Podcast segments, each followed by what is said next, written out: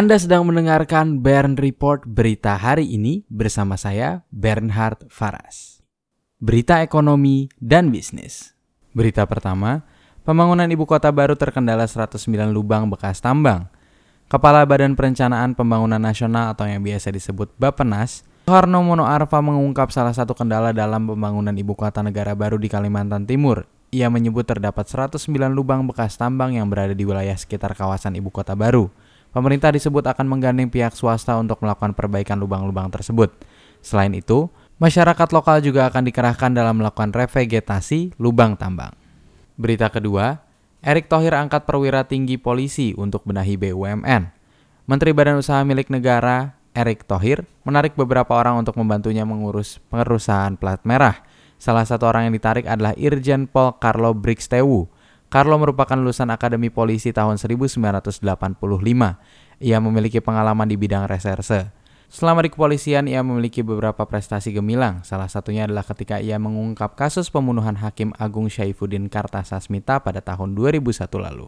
Berita ketiga, gara-gara virus corona, Makau tutup seluruh kasino. Makau akan menutup seluruh kasino selama dua pekan. Kepala Eksekutif Daerah Administrasi Makau, Holat Sangkarena, mengatakan pusat perjudian itu terpaksa ditutup karena kunjungan menurun setelah wabah virus corona merebak.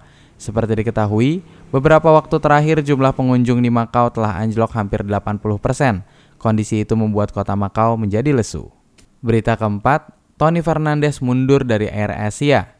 CEO Air Group Tony Fernandes dan Chairman Kamarudin Meranun mundur sementara dari jabatannya selama dua bulan. Langkah ini dilakukan ketika otoritas melakukan investigasi dugaan suap Airbus sebesar 50 juta dolar Amerika Serikat untuk memenangkan pesanan pesawat.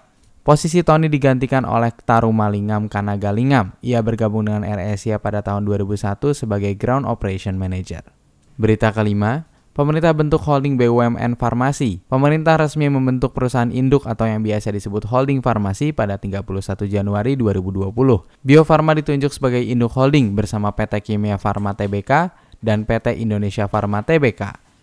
Kementerian Badan Usaha Milik Negara atau yang biasa disebut BUMN meresmikan berdirinya holding farmasi tersebut melalui keputusan Menteri Keuangan nomor 862/KMK.06 pada tahun 2019 soal inbreng saham. Pemerintah menyebut holding farmasi ini akan mewujudkan ketahanan, ketersediaan, keterjangkauan, mutu, dan kesinambungan obat nasional. Berita ke-6, tanpa temuan baru, produksi minyak RI tinggal 9,7 tahun. PT Pertamina EP memperkirakan usia produksi cadangan minyak Indonesia saat ini tinggal 9,7 tahun lagi jika tidak ditemukan sumber cadangan minyak baru. Selain itu, usia produksi gas juga tinggal 7,8 tahun bila tidak ditemukan sumber cadangan baru. Indonesia perlu mencari sumber minyak dan gas baru untuk memenuhi kebutuhan nasional. Kementerian Energi dan Sumber Daya Mineral atau yang biasa disebut ESDM sendiri menargetkan produksi minyak siap jual atau lifting sebanyak 743 ribu barel per hari pada tahun 2024. Capaian target tersebut ditetapkan dalam data pembangunan dan target rencana strategis Kementerian ESDM dalam periode 5 tahun mendatang.